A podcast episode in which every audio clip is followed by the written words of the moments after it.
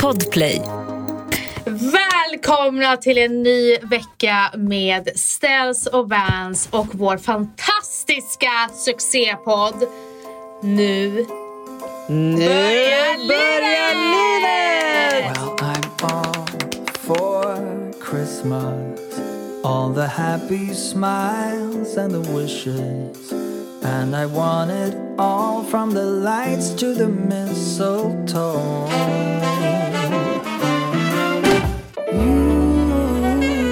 Nu är det jag som har haft en så här rätt eh, berg och dalbanevecka. Eh, det, har- det har varit liksom eh, ja, men ilska, frustration, besvikelse, sorg, eh, ångest och glädje. Men gud, vad har, vad har hänt? Ja, men det, Berätta. det är så här, så här är det. Alltså, jag, jag är väldigt, jag delar med mig mycket i den här podden och, och så. Och ni, ni är väldigt tacksamma för det, eller vi delar med oss mycket av, av vårt, vårt liv i den här podden. Eh, men ibland så är det vissa saker vi inte kan dela med oss och det, är, eh, det är för privat helt enkelt. Och jag känner att det här är en sån grej. Men jag måste bara för att våra tvättisar de, de känner oss så himla väl nu istället. Så att när vi typ de kan sniffa sig fram när det är när man inte mår bra typ. Ja. ja. Alltså de, ja, det är ju sant. Ibland när man har försökt hålla uppe skenet i podden så får man ju något DM och bara Gumman, hur mår du Ja, egentligen? ja, ja. Bara, och då känner jag så att jag hellre vill säga och vara ärlig istället för att man, in, man, man låtsas som ingenting. Vilket jag ibland har faktiskt kommit till den här studion under långa perioder och faktiskt mått skit men liksom inte velat prata om det. Det här är bara väldigt länge sedan men det har varit sådana perioder. Och jag är en person, och jag vet att du är likadan om du fortfarande är så, men jag är en person, ibland så känner jag inte för att prata om någonting för ju mer jag pratar om det desto sämre mår jag. Ja, men alltså det blir lite så verklighet ju mer man pratar Ja. om det så att man vill helst. Så, så är ju jag verkligen. Alltså jag stänger ju oftast in mig när jag mår dåligt för att jag så här vill bara glömma det typ. Ja, och jag är väldigt, jag är väldigt likadan. Eh, men, eh, så, men, men det är bara så här... Eh, för det första så kom ju det som en käftsmäll som jag delade med mig i, eh, på min Instagram i förra veckan. Alltså min dödsångest är extremt påtaglig just nu. Den kan spåra, Mm, vad beror det den på? kan verkligen spåra ur. Alltså verkligen spåra ur att jag nästan kan börja, alltså, jag börjar gråta och så, så har det aldrig varit tidigare. Men varför har det blivit så Eh, nu? jag tror att jag är som en svamp just nu och att jag bara tar in eh, tragedier efter tragedier och jag påverkas väldigt mycket av det och eh, börjar få katastroftankar. Ja, Eh, och just nu, så här, ofta så har ju min dödsångest varit att eh, jag är rädd att någon i min familj ska gå bort. Eh, Och haft panik över det. Men den här gången så är det är jag rädd att det är jag som ska lämna och att Ja just det, men du nämnde Ja. nog det lite grann i förra veckan Och det jag. blev ju inte lättare när en av eh, eh, mina, mina, mina beka- eller min bekant och min fina gamla frisör Hanna gick ut med att hon har en obotlig cancer i förra veckan och, Ja jag såg det, för fan alltså. ja, och när hon skrev att eh, det som krossar mig mest är att jag ska lämna hennes man då Nej men för fan och hennes alltså. dotter. Mina hår på hela kroppen står Men när hon, när hon skrev den meningen, hennes rädsla och att hon, lev, hon lever ju i den rädslan som jag är rädd att jag ska leva i. Mm. Och då, då brast det för mig. Då brast det. Ja. Eh, och jag skrev till henne och jag bara, jag bara det är så fånigt att jag, det är, nu är det jag som sitter här och gråter medan du hon är så stark. Är den starka? För hon Mm. skrev såhär, Vanessa det finns inget annat alternativ än att det här ska, det här ska gå. Och jag var så här, det, det är klart att det är så. Och snälla, Mm. alltså ge mig hennes kraft, ge mig hennes styrka. Att tänka så om någonting skulle hända någon, någon gång. Mm. Eh, så att, det var ju först det då som, eh, som jag tampas med. Ehm, eh, och sen så bara har det hänt vissa saker i mitt privatliv som har gjort att eh, ja, jag, är bara så, jag är bara så besviken och frustrerad. Ja, och jag bara kände så här, jag, jag vet inte, jag är bara så här trött på människor som inte kan ta ansvar för sina eh, för sina, för, sin, för sina handlingar och för sitt liv. Och det är så lätt att skylla på andra. Det är jag trött på. Jag är trött på människor som skyller på andra. Jag är jättetrött på det. Jag är så glad att jag har eh, alltså min, familj, min familj som eh, Ja, men alltså att jag har Valentino som verkligen är min alltså, bollplank precis som Mani är. Alltså när du skrev det där med Mani, jag, såg, alltså, jag fick nästan tårar i ögonen när jag såg eh, den där storyn med dig och Mani när du skrev eh, att det var din trygghet. Exakt så jag känner. Eh, så att jag har verkligen så varit, ja men du vet, det, men jag har gjort någonting bra utav det. Ehm, jag, jag kan bli arg eller jag kan få ångest men jag är duktig på att hantera det just då och jag låter inte det förstöra hela min dag. Eh, och sen har jag försökt att vända det till någonting annat istället. Och då har jag så fokuserat nu på vad kan jag göra för att ge tillbaka för, till samhället till exempel. Eh, Och nu har jag varit i kontakt med några kvinnohem, direkta kvinnohem. Alltså inte organisationer som ger pengar till kvinnohem eller hjälper kvinnohem. Utan jag har pratat direkt med kvinnohem och eh, eh, får höra, eh, vissa kvinnor har hört av sig till mig som bor i de här hemmen och andra är det personal som har hört av sig till mig och eh, det har varit så extremt, extremt givande och eh, jag eh, kommer att eh, nu innan jul göra någonting för eh, kvinnorna och barnen på, de här, på några av hemmen som jag har valt ut. Eh, och det känns så himla bra i hjärtat. Så ibland när det har varit så här, jag har, tagit, jag, jag har satt fokuset där istället. Eh, och jag, du ska veta stället, det, det, det känns så det overkligt men det var ett hem som skrev till mig och sa att de lyssnar på podden och, och det var så himla fint att höra att vi, vi är ett slags ljus i deras mörka vardag. Ehm, och hur de här kvinnohemmen har verkligen gjort så mycket för dem. Vissa barn får ju inte ens gå utanför tomten för att deras eh, hotbild är så allvarlig. De får inte ens gå ut. Fan vad hemskt alltså. Vad... Så jag har liksom gråtit på, av det också men, men samtidigt har det gett mig, alltså de är Alltså deras, det var en kvinna som berättade om sin flykt eh, med, sin, med sin son och Alltså, och jag bara så här, vad är det för, alltså, vad är det för samhälle vi, vi lever i som vi inte har någon aning om? Alltså vi har ingen aning om och hon berättar om sonen som inte ens kunde sitta själv på golvet för att han var rädd att någon skulle göra honom illa. Nej för fan. Ja men alltså det är så fruktansvärt. Alltså, jag har gråtit så mycket. Så att det har varit en Verkligen en berg och dalbana. Alltså tänk att det är så mycket barn som, som lever sådär. Som, alltså... Åh, fan vad hemskt Ja, alltså. och för ett barn som... Det var ju alltså barn som liksom ser sina mammor ja, du vet, bli skadade och det, det är fruktansvärt alltså. Och jag är så, bara så glad att jag ringde till exempel, du och jag känner ju Emma på Lindex. Jag ringde henne idag faktiskt. Ja. Jag bara Emma, nu är det så här. Och hon visste nästan redan vad jag skulle säga. Eh, Jag bara, vi måste hjälpa eh, kvinnohem och barnen där och allting. Och hon sa, hon, då berättade ju hon redan att de har ett jättestort samarbete med Unison. Som är, de har så här 130 kvinnohem och tjejhem, eh, jourer Oh, wow. i, som de hjälper. Ja. Alltså, eller de har då i samma tak som de då hjälper. Så ger man pengar till dem så kan de liksom, ja. Shit. Jag bara, Emma, nu, nu är det du som hjälper mig. Eh, vi måste ge de här, för jag frågade eh, kvinnohemmet, vad är det ni behöver? Hon bara, vi behöver Ja. allt i kläder och leksaker. För att de här kvinnorna kommer ibland i princip kanske bara, Ingenting. alltså de har ingenting med sig. Absolut ingenting, inte ens en jacka. Herregud alltså. För när de flyr, vissa flyr för livet och då har de inte ens jacka på sig. Eh, det var ju inga konstigheter. Emma bara, du säger vad du behöver och vi finns här. Eh, Så att eh, på det sättet så känns det som att jag gjorde någonting gott av den här veckan. Well, I'm all for Christmas.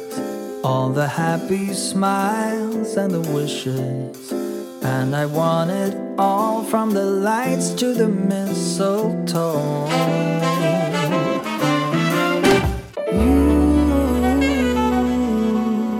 Hur går det med körkortet? Alltså när jag såg att du laddade upp en bild från att du satt på tänkte på trafikskolan. Alltså det gav mig sån ångest. Det- jag jag tog ju körkort för hundra år sedan. Nej, det gjorde inte. Och det var ju typ mitt så här. Nej, men hur, långt, hur länge Men är det sedan? Det 100 är typ tio år sedan. Nej men gumman. Nej men typ tio år sedan. Jo men på riktigt. 2014 Det är typ max. tio år sedan jag tog mitt körkort. Okej. Nej. Åtta år sedan då. Ja. Okej, gud jag ber om ursäkt. Jag diffar med två år. Det är i alla fall väldigt länge sedan. Och det här var ju så mitt tredje försök. Alltså jag åkte ju, när jag var typ så här 18 så åkte jag ju på intensivkurs i Säffle. Pallade inte. Vad vidrigt. Jag eh, Eh, eh, bokade upp mig på någon intensivkurs i Stockholm också. Gick typ två gånger. Alltså det har, haft, det har varit sån grov ångest för mig att försöka ta det här jävla körkortet. Sen så bestämde jag mig så åkte jag till Borås och var där i typ två veckor. Och grät varje dag. Alltså jag kan inte plugga. Jag får panik. Nu vet jag, nu hade nog situationen sett annorlunda ut idag om jag hade typ gått en kurs där jag verkligen var intresserad. Vet dock inte vad det skulle vara men, men att behöva sitta med någonting som man tycker är så jävla tråkigt. Dag ut och dag in. Alltså det går inte in i mitt huvud. Men ställs. Jag fick ju sitta där och trycka in det i huvudet och jag grät för jag fattade ingenting och det var så tråkigt och vidrigt. Eh, och sen när jag väl, alltså man ser ju på mitt körkort hur miserabel jag är. Jag har typ ringar under ögonen på den bilden. Jag bodde ju hos dig när du åkte Ja. till Borås. Du och min brorsa var ju i min lägenhet. Ja. Ja. Nej men så att när jag såg dig ladda upp den här bilden på att du satt på trafikskolan. Alltså fy fan vad jag tyckte synd om dig. Åh fy fan. Men du, Ställs, det där var inte ens en, en lektion. Det där var en fucking typ. handledarkurs. Åh gud. Vad gjorde jag på den här handledarkursen? Lurade min handledare mig att jag behövde vara där? Vadå, behövde du inte det? Det var ju flera stycken som var där som inte hade den de skulle köra upp med. Jaha, Jag tror hon vadå du mig. ska köra med Farro. Vals? Nej, jag ska köra med Farro, min vän och frisör. Va? Du skämtar! Nej, alltså hon har tjatat på mig i ett års tid. Men varför går du inte en intensivkurs? Nej men vänta, och till slut så, eh, så skaffade hon en sån här chatt som heter körkort. Och sen så eh, började hon liksom terra mig och, och sen så skrev hon till Väls och sen så helt plötsligt så sa hon nu har jag ansökt och, och så ble- blev det så bara. Men eh, som sagt det som är så fantastiskt är att jag, min kör, kör, körskola är liksom nedanför mig. Jag tänkte köpa kanske 20 Ja. lektioner till att börja med. Okej. Och sen så ehm, plugga. Jag har inte gått, köpt lektionerna än men jag måste ta tag i det där nu. Alltså fy fan, jag kommer ihåg den dagen man fick sitt körkort. Alltså wow, wow, wow. Vilken känsla. Men alltså den där eh, handledarkursen var fullkomligt vidrig och den där, det där rummet. Det var ju som ett jävla eh, fängelse. Alltså vet du, jag måste bara säga, vet du att jag skrev ju upp tre gånger? Mm. Eh, båda två gångerna så fick jag, 52 är ju godkänt, jag fick 51 Ja. två gånger i rad. Det är inte okej. Och Det- sen, det, är så inte, fick det är jag, inte och motivation. sen fick jag 52 när jag blev godkänd. Alltså hela den här äh, trafikstyrelsen i Borås var involverad i mitt körkort. Alltså de var så här, du vet när jag fick 51, de bara nej. Men gud hur ska vi göra? Du vet så här, när jag fick 52, alltså det var ett firande kan jag säga. Och jag körde upp, jag körde upp fem gånger. Alltså det var, nej men det var helt, på femte gången klarade det. Och det var sjukt för jag trodde verkligen att det var uppkörningen som jag skulle klara. Galant liksom. Men jag gjorde sådana små misstag som de typ inte ville se över och sen så femte gången som jag skulle köra upp då fick jag den mytomspunna legenden Kugg-Eva. Och hon var ju då känd för att kugga alla.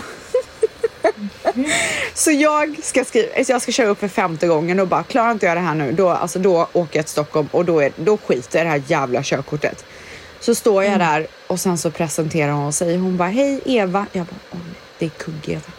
Det är Jag Kugg-Eva. visste att det var kugg Nej men hon var mytomspunnen. Alltså hon var Jaha, i känd över hela Borås för att det var hon som Ja. kuggade alla. Så jag får Kugg-Eva Alltså jag är så nervös för jag, det var verkligen, det här är liksom make it or break it för mig. Det finns ingen Mm. återvändo. Klarar jag inte det, då är det kört. Sätter mig i bilen, kugg-Eva säger till mig vad jag ska göra. Och du vet, jag är så nervös att vi så här, hon bara, ska du parkera här? Så parkera. Och så stänger hon av bilen. Hon bara, alltså mina ben darrar. Hon bara, vet du vad det bästa är? Jag bara, nej, typ gråter i halsen. När man parkerar så kan man ta en stund och andas ut lite. Så hon sitter och, Och har sen- så här andningskurs med mig typ på en parkeringsplats. Och sen hon bara, ja nu kan du köra ut så fick jag köra på så här liten väg typ. Och hon bara, Ja. då har du klarat det. Då började jag gråta. Sa hon det när du körde? Ja. Men då hade man ju kunnat tvärnita typ eller någonting. Nej, jag tror, jag, tror bara, jag tror hon ville lugna mig om jag ska vara ärlig. Hon kände så här, det går, hon kan inte vara så här nervös. Alltså min körkorts, eller han som höll handledarkursen. Han var sån jävla legend. Jag bara, jag vill ha dig. Jag har, honom ska jag ha. Ja. Men han hade han är tidig januari. Men han, han ska jag ha. Han är riktigt skön. Ja. Fick du honom då? Men jag tror att vi kommer tjafsa mycket. Han kommer jävla trött på Ja, mig. nej men det får man, det får hända liksom.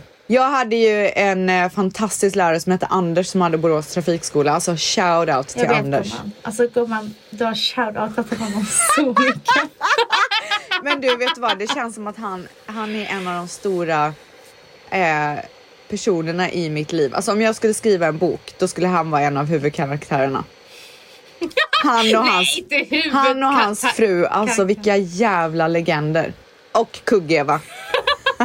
ja, nej men alltså grejen är så här, vad jag insåg när jag satt på den här handledarkursen det är att jag kommer ihåg hur, jag kommer få käka upp det här, men hur bra jag var på att lära mig. Alltså jag, jag är snabblärd. Ja, nej det är inte jag kan jag säga. Alltså teoretiskt.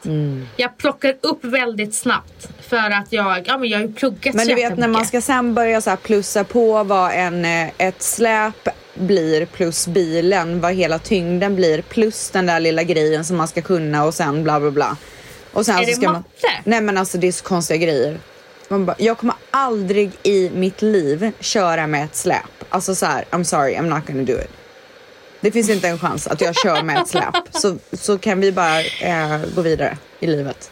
Ja, nej men alltså kan vi bara gå vidare så får vi se så här, om jag tar det här körkortet liksom. Vi får se helt enkelt. Men jag tycker du ska göra sorry det. om jag gör dig besviken. Alltså du ska inte ha den inställningen heller. Nej men vet du vad, nu, med det här gumman, det här är en försvarsmekanism. För att jag inte bara ville bara bli en förlorare. Fattar du vad? Jo men du får ju bara Jag ge dig fan på att du ska göra det som jag gjorde. Ja men alltså jag säger det så här offentligt. I min hjärna så kommer jag göra det. Jag är ingen jävla eh, quitter. Bra gumman, det där är attityden vi vill se. I'm a fucking go-getter! Well, I'm all for Christmas. All the happy smiles and the wishes. And I want it all from the lights to the mistletoe.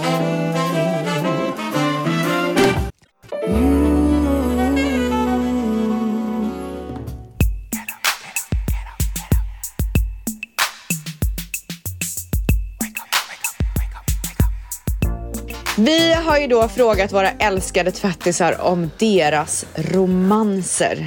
Och vi har fått så mycket. Vi har fått så mycket ställs att eh, jag vill göra det här igen. Ja. Men då ska inte de, vi har, jag har inte hunnit gå igenom allting ens. Mm. Så att om när vi gör det här igen så kan vi uppmana dem att så här bara ping på det de redan har skrivit Ja. en gång. Att, ja.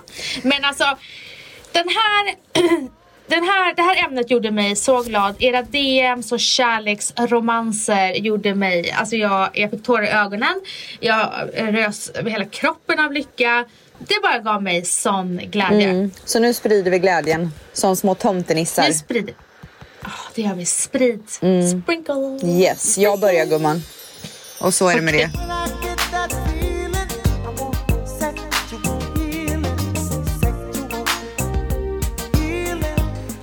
En fling på jobbet. Det är mycket jobbflingar måste jag säga. Jättemycket Ja, jobb. gud alltså. Kan inte alla, de kan inte hålla tassarna borta på jobbet. Jobbade på ett jobb när min papp, där min pappa är lite av en chef. Vi var ganska tajta jag och mina arbetskollegor så det blev många fester ihop. Allt ifrån att man festade ute till att vi åkte båt. Hade inte känt någon form av attraktion till honom alls innan, men den här dagen förändrades allt. Alltså inte till hennes pappa vill jag poängtera, utan nu pratar hon nog om min kille. Ehm, vi festade och vi hamnade i säng med varandra. Några gånger faktiskt. Vi pratade inte någonting på jobbet alls. Ibland kom han och la, och det här pirrade till hos mig. Ibland, ibland kom han och la en mjuk hand på min axel eller midja när vi var ensamma. Alltså mysigt! Ja men alltså när man tycker om någon eller så här passion och någon bara tar på en, alltså, då Ah, så bara brinner pirrar man det till liksom. Sen låg vi igen på en fest. Ingen visste om det här. Inget fick komma till min pappa. Det var så pirrigt alltihop. Sen en kväll ringde han och sa att han inte kunde sluta tänka på mig. Sen insåg... Nej men gud. Oj, vilken vändning. Sen insåg vi att det här inte kommer funka så vi avslutade allt tyvärr.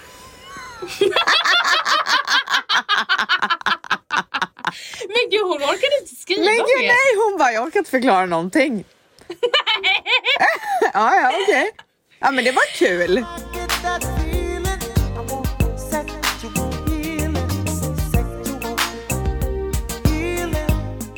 Jag skällde ut min granne för att han borrade varje dag när han flyttade in och jag var utarbetad. Jag skämdes och bad om ursäkt nästa dag. När kylan kom erbjöd han sig att byta mina däck. Jag bjöd på middag som tack för hjälpen. Nej men gud Vi har vad inte kunnat- sexigt. Ja. Vi har inte kunnat vara ifrån varandra sedan dess, fyra år sedan. Nu bor vi ihop och har precis köpt en tomt och ska bygga vårt hus. Alltså! Äh, vilken härlig story alltså. Alltså ställs! Alltså det är så Åh, det är som en film. Ja, alltså det är så härligt.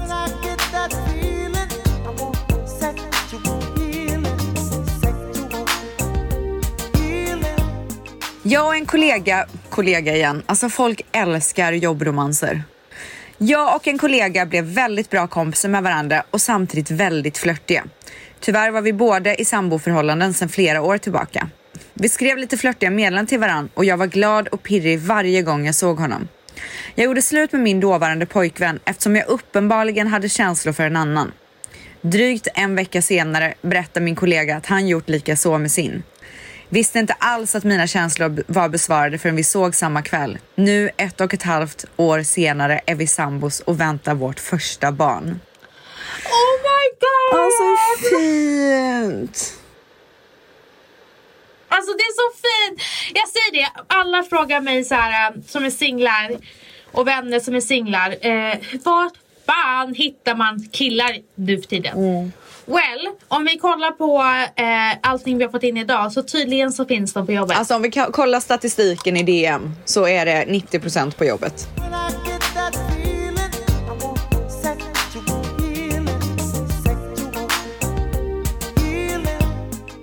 Jag började prata med en kille 2012 när jag hade precis tagit studenten. Vi träffades första gången två år senare och efter ett halvår blev vi kära trots att ingen vågade erkänna det. Vi var från två olika kulturer som var big no från mitt håll. Kärleken växte mer än vad vi kunde förstå och plötsligt så var vi stört förälskade. Sån kärlek man bara ser på film.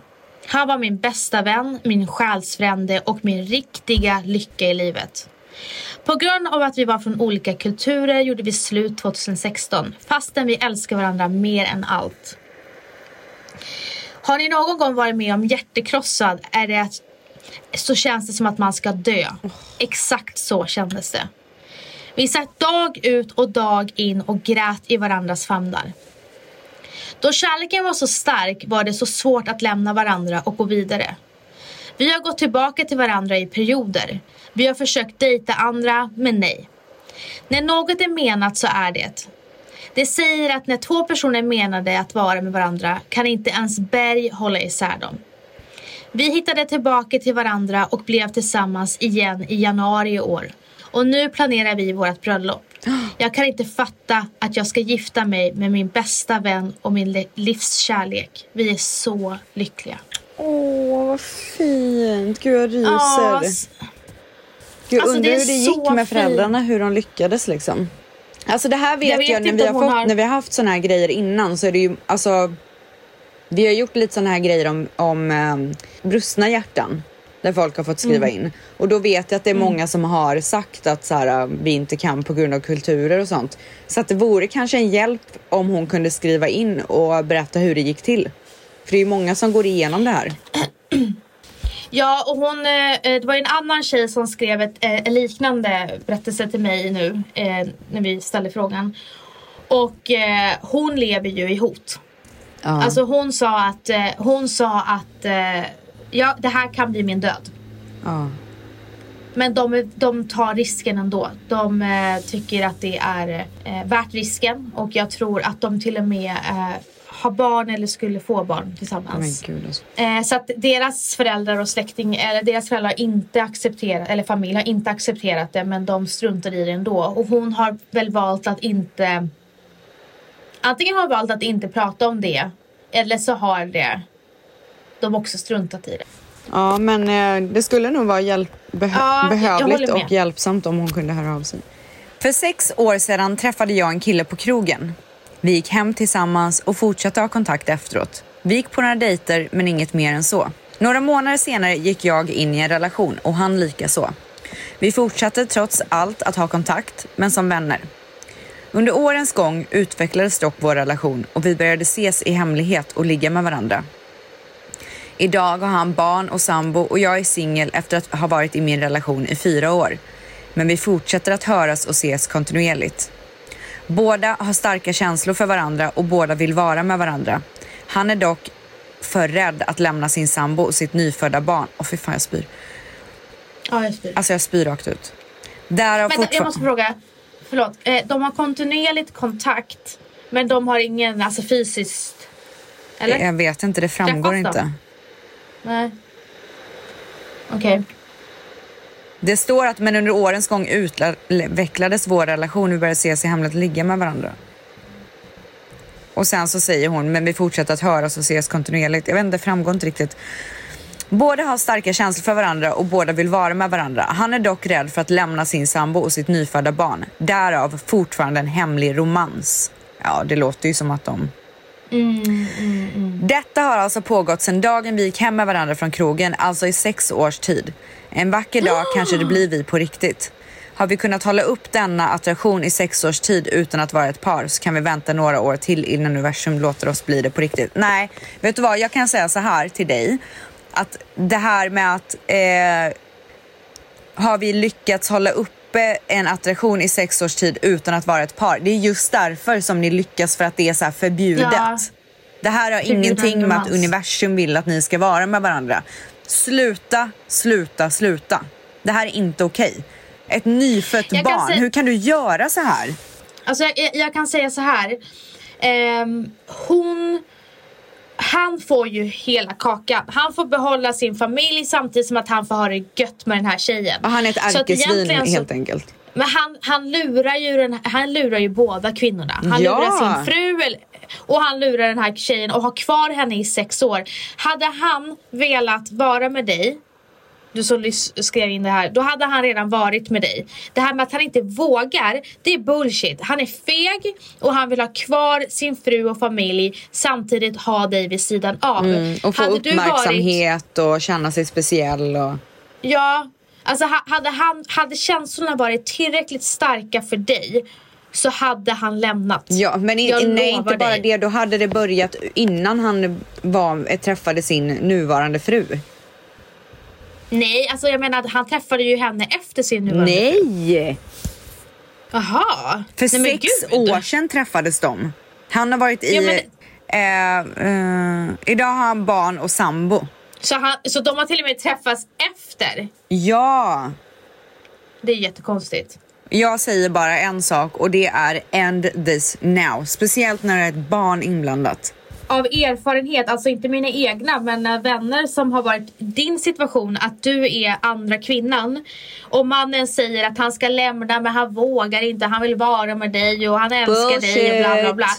Det har aldrig stämt för, det har alltid, för oftast har det alltid, eller för mig som de jag känner, det har alltid fast stannat, alltså mannen har stannat med sin eh, fru. Och hade han inte stannat med sin fru hade han kommit till dig för länge sedan. Ja, alltså... Så att du också, för din egen skull, om du avslutar den relationen så kommer du ha chansen att hitta mannen i ditt Ja. liv och ditt, din livskärlek. Ja. Men han har kvar dig och gör så att du inte har möjlighet att träffa din livskärlek. Exakt. För han är inte det. Ja, amen. Gör det för dig själv och gör det för den andra kvinnan.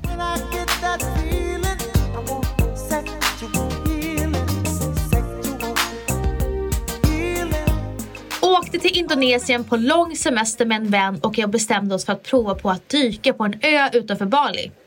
Vi letade rätt på en dykskola där vi kände oss bekväma och blev så förtjusta i dykningen att vi valde att förlänga vår vistelse på ön för att hinna dyka mer.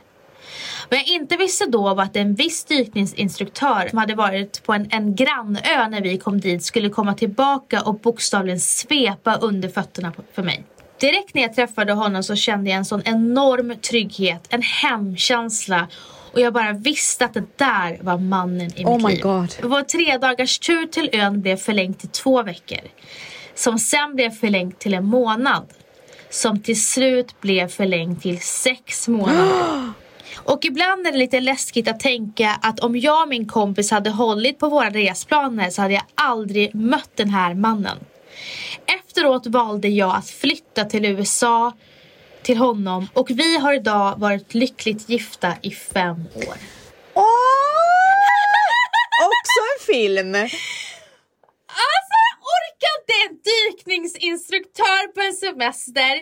Hon eh, blir kär, flyttar till USA och, i, och idag och nu har de varit samma, är gifta i fem år. Alltså hallå! Nej.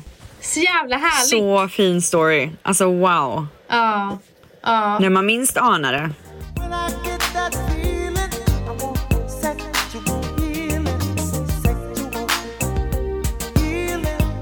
Jag hade en flört med både min chef och min PT. Jag jobbade i en ishockeyarena och vi brukade smyga runt inne i logerna på arbetstid, i hissen och i restaurangköket i alla stora skafferier. Hehe. Väldigt spännande. Kan säga att det gav mig en hel del fördelar. Ibland kunde vi sjukanmäla oss tillsammans båda två för att få hänga. Så jag sjukanmälde mig till honom och så sjukanmälde han sig själv. Väldigt pirrigt. Sen... Sen hade jag även, inte samtidigt då, en flört med min PT. Det var sjukt hett. Jag tränade ofta sent på kvällen när han jobbade ensam och gud vad mycket sexuell spänning det var. Saknar det ibland. Men alltså gud, både chefen och PTn.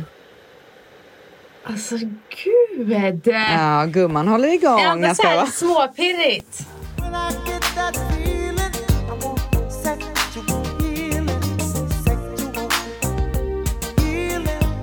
Började ligga med min chef. Vi träffades i fyra år och sen kom det fram att han hade tjej. Glad gubbe, alltså ironiskt. Var dökär i honom, fick reda på detta efter att vi hade slutat prata och han har blockat mig exakt överallt så jag har inte kunnat konfrontera honom. Perfekt! Hjärtat mår otroligt.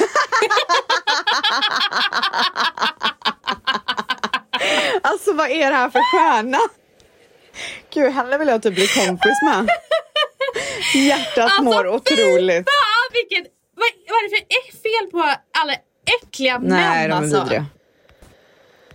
Alltså mitt, min, äh, äh, fy! Men alltså hon har ju humor, man gillar ju Ja, det. ja, ja, ja, ja. Hjärtat mår perfekt. Ja. Okej. Jag gjorde slut med mitt ex efter många års förhållande. Det var ett tragiskt slut som fick mig att gå i tusen bitar. Men kort därpå klev en mystisk man in i mitt liv. Med självsäkerhet och charm bjöd han ut mig, det här har aldrig hänt förut, och jag svävade på moln. Bort från de mörka molnen som präglat min tillvaro efter det sorgliga slutet av min långa relation. Vi spenderade sommaren ihop, gjorde roliga aktiviteter och drack vin in på morgontimmarna. Vi var som berusade av varann. Vilken pa- passion. Ett perfekt rebound i exakt det tillfälle jag verkligen behövde det. Och det här, mina vänner, ni som går igenom en heartbreak just nu. Jag hoppas verkligen att ni lyssnade på den här sista grejen. För att det är exakt det här som behövs. It takes one to get over one. Alltså se in, om ni gör slut med någon, eller någon gör slut med er, om ni har ett dåligt breakup. Försök att hitta någon som kan sprida lite glädje i er tillvaro. Se det inte som att så här, nu ska jag hitta min nästa man. Utan se det verkligen som ett rebound. För att det behövs. Man behöver bli lite glad av någon annan. Och jag förstår att så här, ensam är stark och man ska sörja själv och absolut. Men det här kommer underlätta för er. Så mycket. Ja, och det var ju någon som skrev som var så himla bra. Hon bara, jag tyckte det var så himla kul att bara ha den här romansen på eh, jobbet med smekningar under bordet eller hångel i hissen eller i lagret. Hon bara, jag har aldrig känt mig så sexig. Hon bara, Exakt. uppmärksamheten och bara få känna sig sexig och gå bara eh, sedd. Ja, och vara Alltså, lite pirrig okej. på morgonen innan man går till jobbet. Och man behöver liksom få känna att man lever lite. Ja, och den här tjejen bara blev intryckt vä- mot väggar och allt möjligt. Mot väggar. Hon levde life. Ja, det är så kul. Ja, så härligt. Okej. Här kommer min romansberättelse. Jag hade lämnat mitt ex och jag var redo för ett liv som singel. Jag var så otroligt taggad att bara få vara ensam, flört, flörta loss med alla jag kände för. Mina knän hade börjat krångla lite då jag tränade rätt hårt och var tvungen att söka upp en naprapatklinik. Efter ett besök hos en naprapat skulle jag få gå en gång till, till hans kollega Josef. I väntrummet satt jag och tänkte... Josef! Jag skojar. Uh, Josef! Eh, I väntrummet satt jag och tänkte, hmm, undrar om han är snygg. Ut ur patientrummet kliver den vackraste människa jag sett. Direkt efter besöket ringde jag mamma och sa, jag har hittat mannen i mitt liv. Till, eh, nej, förlåt. Jag har hittat mannen till mina barn. Åh herregud. Här sitter jag idag, fem år senare, herregud. med vår första son. Åh herregud. Men hon fortsätter. Jag raggade, nej men alltså förstår du Nej, snälla alltså. son? Nej men det är så, det är så fint. Eh, här sitter jag idag, fe- nej förlåt. Jag raggade gränslöst på honom och kär i mig blev han. Gud vad vågad. Här, har aldrig trott på ödet innan detta. När jag letade upp naprapatkliniken ringde jag först en annan. Jag ska bara... Men då eh, svarade inte de direkt så jag ringde den här. Sedan fick jag just den här veckan när kollegan var på semester. Så att det var inte ens menat att hon skulle gå Nej. till Josef. Rolig fakta är också att kollegan jag gick till först är min familjevän. Så när jag ringde mamma och berättade om min framtida man så utbrast hon Men Mikaela, du får absolut inte ragga på honom. Han har ju fru och Nej barn. men gud, stackars mamsi. Så bara, ovetandes att det var kollegan jag gick till. Ingen tog mig seriöst när jag sa att han var min framtida man och pappan till mina barn. Men som sagt, här har vi beviset idag. Vår lilla prins Frank. Våga ragga loss brudar. Alltså shoutout till Josef och Frank säger jag bara. Alltså, shout out! Gud vad härligt. Okej gumman. Alltså Ja. nu har jag ju fått eh, så många och det har du också. Jag ska ta en sista här, Mm. men kan vi inte bara fortsätta på det här temat nästa gång också? Jag blev så glad Alltså, av jag- det här. Jag blev också så glad över det här och jag tror att det är det här som behövs. Det här Ja, behövs. Och ja. till er som skriver in, alltså jag, vi vill inte att ni lämnar Nej, någonting men sluta så spara på krutet liksom. Vi vill ha Nej, detaljer. Alltså, detaljer. Ja. Detaljer. Så att nu är det bakläxa till er. Till nästa... gumman, Nej men gud. de var jättebra. Chefen. Kom lillchefen in här. Nej, men till nästa gång. DMa oss. Skicka in era härliga kärleksromanser. Vi vill ha detaljer, vi vill veta vad som har hänt. Gör det så kör vi ett fullspäckat avsnitt nästa vecka. För det här var så roligt. Okej, sista. Är du med? ja. Min syster träffade en kille som är hennes sambo idag. Hans tvillingbror hade köpt en New York-resa till sin flickvän. Men hon gjorde slut och vägrade åka med honom på den resan. Då han inte kunde avboka och betalat mycket pengar så försökte han hitta någon att resa med honom utan vidare framgång. Hans bror då sa att hans dejt har en skön syster. syster. Ja då.